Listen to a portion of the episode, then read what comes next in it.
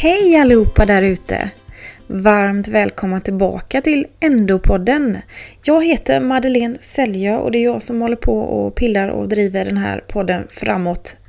Ja, och idag så ska det handla om en medsyster som heter Hanna som har endometrios och som har valt att dela med sig av sin historia kring endometriosen och hennes resa som har varit genom IVF till adoption till att bli mamma.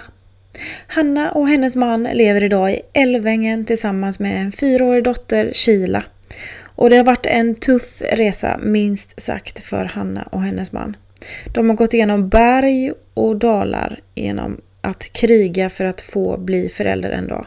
Och jag tycker att vi genast beger oss iväg till just ut i skogarna, ute i Älvängen, utanför Göteborg. Och Hanna får berätta sin historia. Så nu drar vi till Hanna i Älvängen.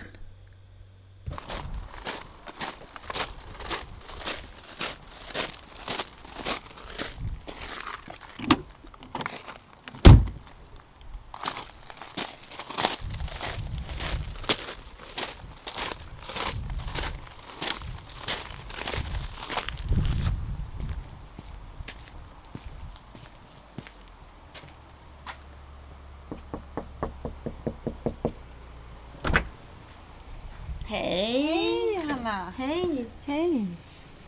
Kom in. Tack för att jag får komma hit. Mm. Klart du får. Ja, det är underbart. att vara här. Äntligen. Nu sitter vi här hemma hos dig Hanna, Mm. mm, i Älvängen, Mm. mm, uppe i skogen Mm. och smaskar på en liten god kaka som du har bakat. Mm. Jag tänkte kasta in dig här i, i ehm, tillbaka till historien lite om, kring din historia med endometrios. Mm. Hur det började för dig. Men det börjar med, alltså jag har alltid haft ont Mm. när jag har mens. Men eh, det var väl när jag slutade med mina p-piller när jag kanske var 26, 27 kanske. Mm. Och då började jag få jätteont och ehm, ja, jag hade jättemycket smärta. Det var knappt så jag kunde gå när jag hade mens. Och, eh, men jag tänkte att ja, men det är väl så det är då när man slutar med p-piller, som att man har ätit så många år. Mm. Så jag tänkte inte mer på det utan ja, jag bara stod ut. Och jag pratade med läkare men det var inte så mycket, alltså jag fick ju Alltså Naproxen eller vad heter de? Alla sådana där, men de hjälper ju inte så mycket. Ja. Och sen var det då eh, när jag träffade min kille och vi skulle börja med IVF. Så gjorde vi utredning och ingenting, eh, Men ni har bestämt att ni ska bli gravida? ja, och det var inget fel. Nej. Och då sa jag ändå att jag hade ont Mm. eh, när jag hade mens, men eh, det var ingen som gjorde något mer åt det. Nej, de hittade liksom inte Nej, orsaken till nej, det fanns ingenting. Nej. Och sen precis då innan vi skulle börja 2009 i, ja, i december tror jag det var, november, december. Då läste jag om eh, endometrios. Och då såg jag att ja, men det här är ju det jag måste ha för allting stämde. Och då frågade jag min läkare på Sahlgrenska om, eh, eller jag sa det, jag tror att jag har endometrios. Och då fick jag en titthålsoperation och då, eh, då var det det. Men hur var, du gick Så- alltså in på webben, på datorn då? Ja, och jag satt på nätet, jag vet Och inte, sökte? men jag googlade efter något annat tror jag, för det var väl det med, med gravid. Ja, det är klart. För det blir ju så när man Ja, vill bli gravid så kollar man liksom hur gör man ungefär. Ja, Eller, Man blir lite besatt. ja, det var ju typ så. Så det var inte det att jag sökte på, mm, Nej, på endometrios. nej inte på symptomen att Nej. jag hade ont utan Nej. det var mer det, gravid, eh, ja. Så då, mm, och då hittade jag det och då fick jag en diagnos och sen började vi med IVF i januari kanske, 2010. Mm. På Sahlgrenska. Då körde den eh, rulliansen igång. Mm. Och eh, då gjorde vi tre hormonbehandlingar där och det funkar inte. Nej. Och sen eh, så tänkte jag att ja, men då gör vi ett försök på Collanderska då, privat. Mm. Så då provade vi det och då funkar inte det heller. Nej. Och sen så blev det adoption istället. Ja, för du är mamma idag. Mm. Till en, liten flicka. Mm, som heter Sheila och hon fyller fyra nu Mm. i oktober. Hur länge har du haft henne?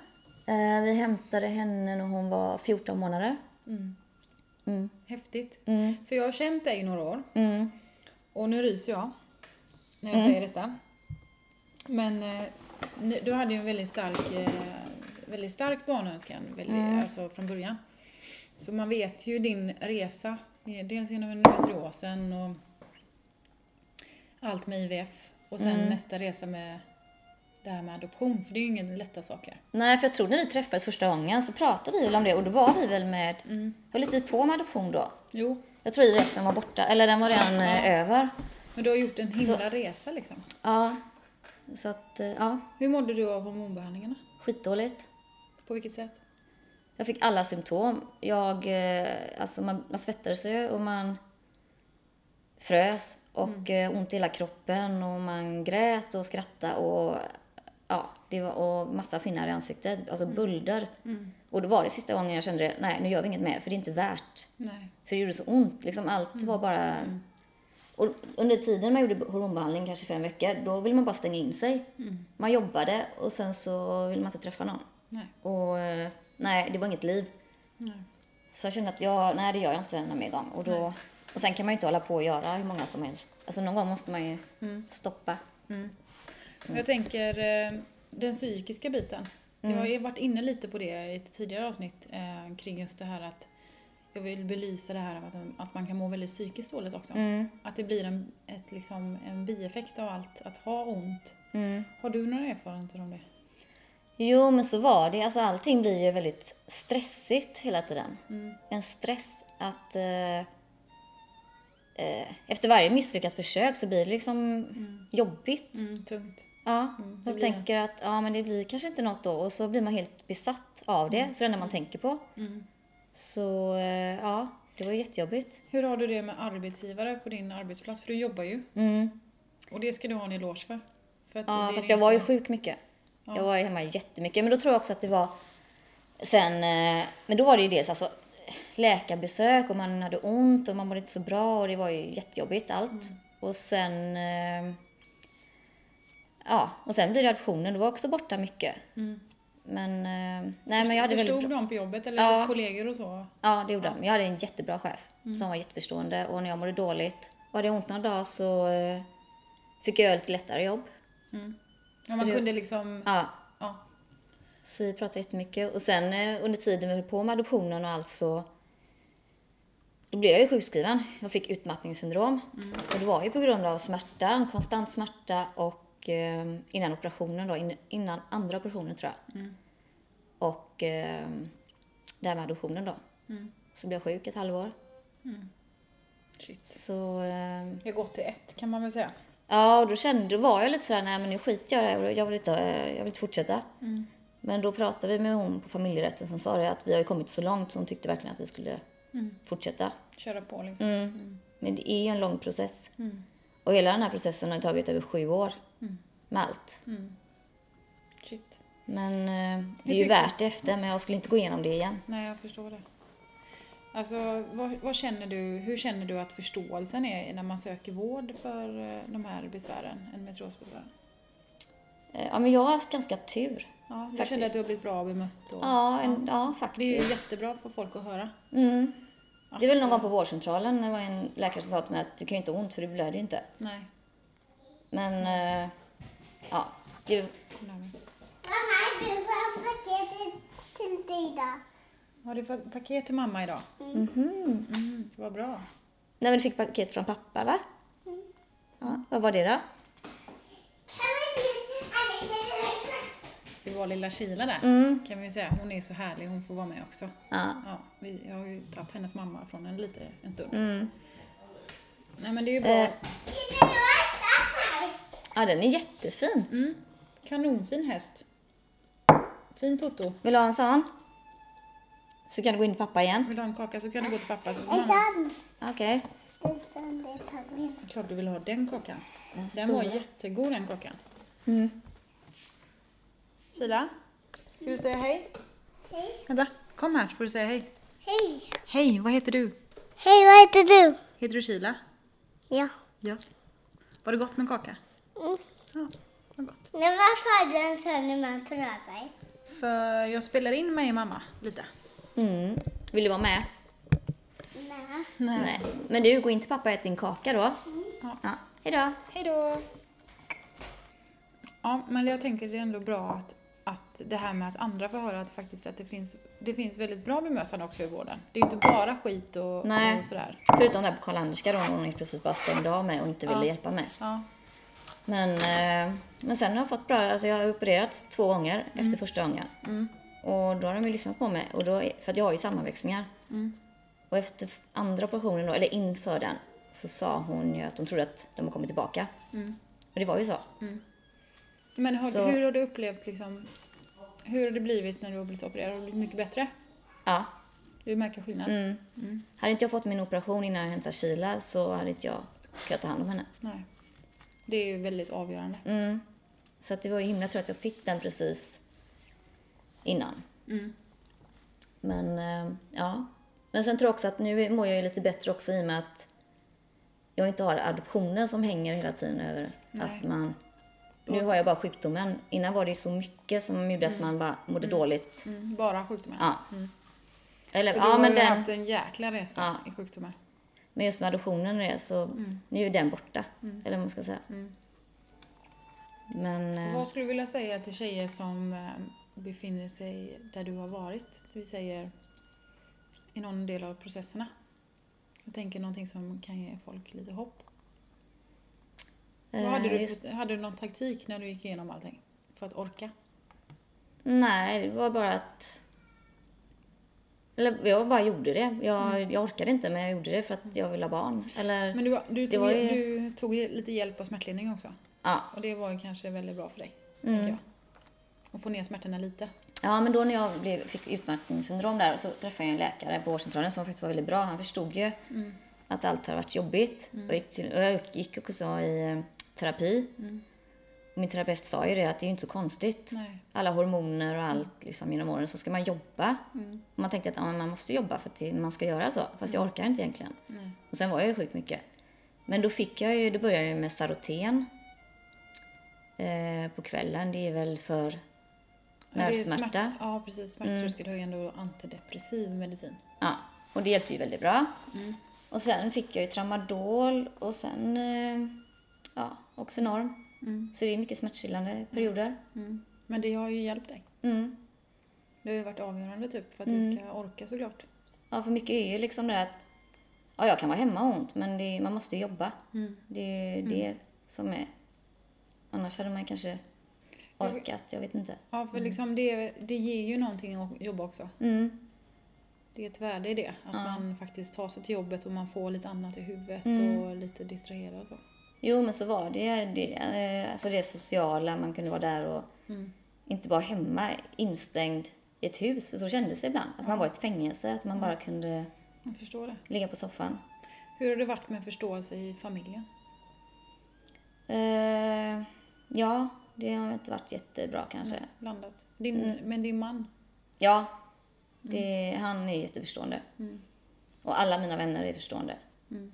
Det är ingen som...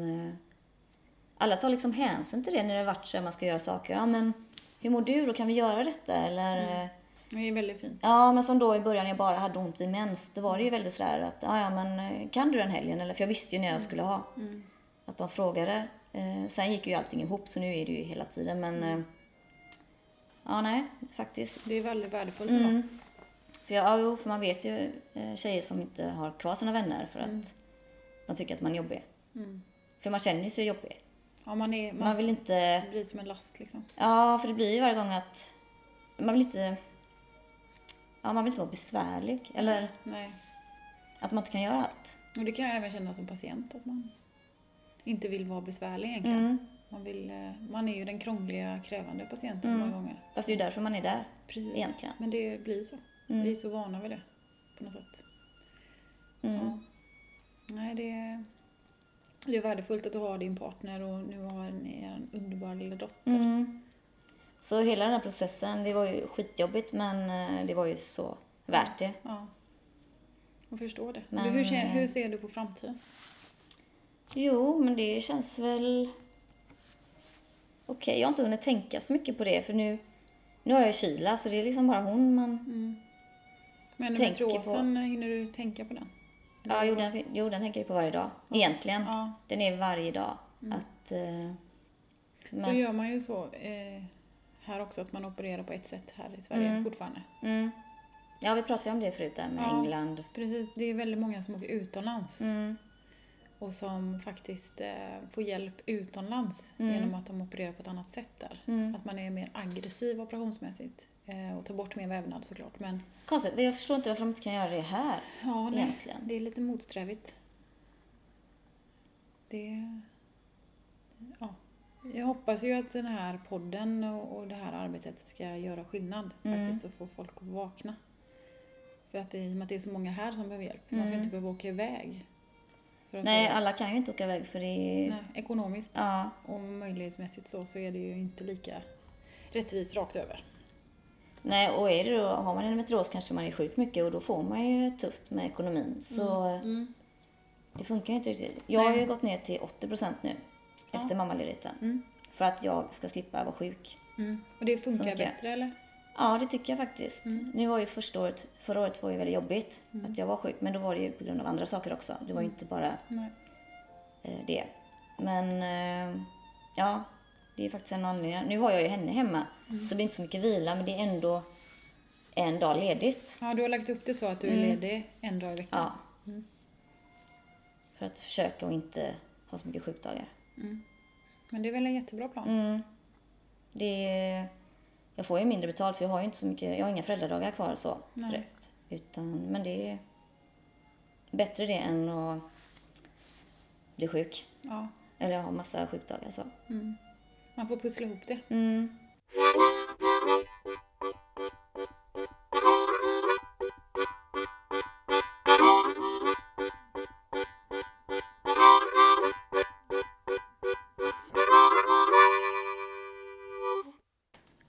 Tänkte på det här, en viktig sak som du tycker är väldigt viktigt att få fram, eh, det är ju det här med IVF. Mm.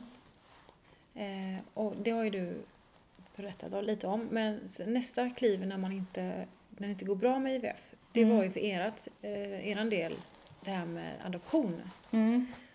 Eh, och jag tror att du ville belysa lite saker kring adoption. Ja, men det var ju det. Alltså man tänkte ju inte ens på att det inte skulle funka Nej. med IVF. Nej. Så adoptionen fanns ju inte ens med. Nu är jag ju själv adopterad från Indien. Mm. Men det, jag tänkte inte ens på det. Mm. Eh, men då var det ju då när jag var på Karl-Anderska sista gången så sa ju läkaren till oss att om ni vill adoptera så gift er nu direkt. Mm. Eh, hade någon sagt det innan då hade man ju Mm. man hade önskat att någon hade sagt det direkt när man började med IVF då kanske men klart man tänker inte att man ska behöva göra det.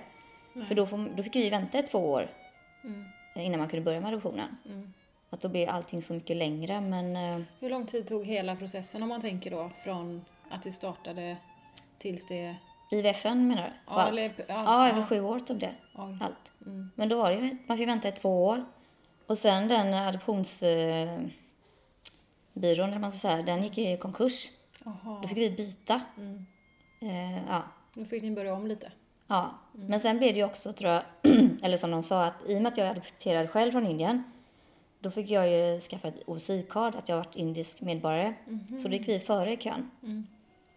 Ja, det var ju bra. Ja. Mitt i allt mörker ändå. Så att, eh, ja, och då, eh, ja, gick före. Men det är sånt som jag pratar, när jag pratar med andra som gör IVF så har jag ju sagt det till dem att men om det, ni ska adoptera så gifter er direkt eller ja.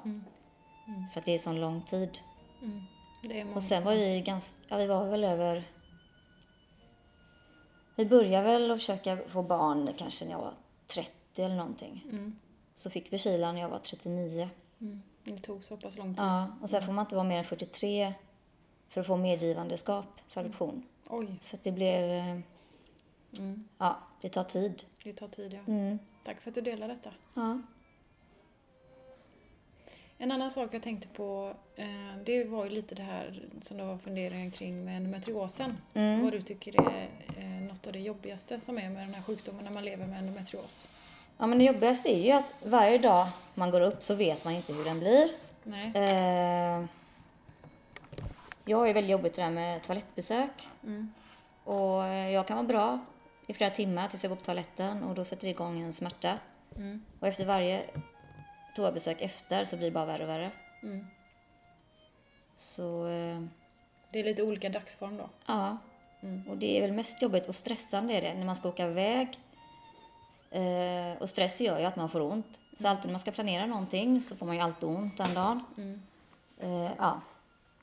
Så det är väl det som jag tycker är jobbigast. Men alla har ju inte så, men för mig är det så. Och det, Det är dagsformen, du vet inte hur Nej. nästa dag ser ut. Nej. Liksom. Oavsett. mm. Mm. Det är en jättebra sak att ta med. Mm, för det finns så mycket som man egentligen vill göra. Man vill bara kunna åka iväg så här spontangrejer. Men eh, eller nu gör jag ju ganska mycket ändå med min dotter. Men innan hade jag inte gjort det. Där har jag bara varit hemma och vilat. Och nu gör jag ju saker fast att jag har ont. Det är en frihet att kunna göra det. Ja. Så man är ju lite bunden annars. Mm. Men så att hon gör ju att jag kommer ut mer för att har jag lovat henne att vi ska åka på någonting. Vi åker iväg på ganska mycket så här barngrejer. Då, eh, då ställer inte jag in det fast att jag har ont. Utan jag gör det. Ja. Sen tycker jag det är roligt med såklart. Och sen är det väl också nu man har väntat på att få barn så länge så när man väl har fått barn så vill man ju göra jättemycket. Man vill göra Saker. allt kan jag tänka mig. Mm. Mm. Ja men så är det ju. Ja, det är, tack för att du delar detta. Mm. Tack så jättemycket. Ja, tack för att jag fick prata om det. Klart, jag är väldigt tacksam för att du ställer upp. För det är inte alla som vågar ta ton i detta ämnet. Nej. För det är väldigt mycket tabu, Mm. som du vet, kring det här. Jo, men så är det ju. Det är ju lite jobbigt Ja. Det är ju de känsliga delarna i kroppen. Men sen beror det på vilket skede man är i. Alltså nu, hade det varit innan vi höll på med IVF-adoption, då hade jag inte orkat prata om det. Nej. Men nu är liksom det, Nu är du förbi det. ja. Så då vill jag gärna berätta min historia. Mm. Jag tror att den här historien kommer nå ut till många. Mm. Och jag tror att det är många, förhoppningsvis många som kan känna igen sig och, och som faktiskt kan ta stöd av den Mm. och komma vidare. Och oavsett vilken process de är i med det. Så tack så jättemycket. Mm. Tack själv. Tack. Vad kul att du kom. Ja, tack. Hejdå. tack igen. Hejdå, vi hörs upp. Ja, det är det. Hejdå. Hejdå.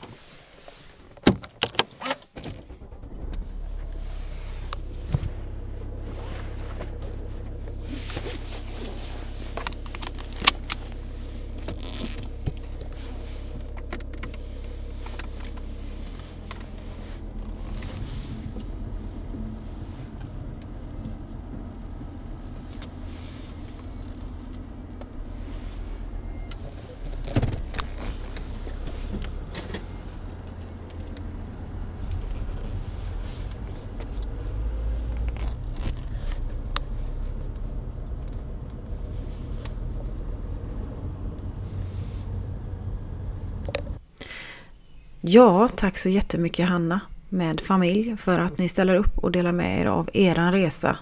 Både i endometriosen och allt som har varit där. Till IVFN som är en väldigt känslig fråga.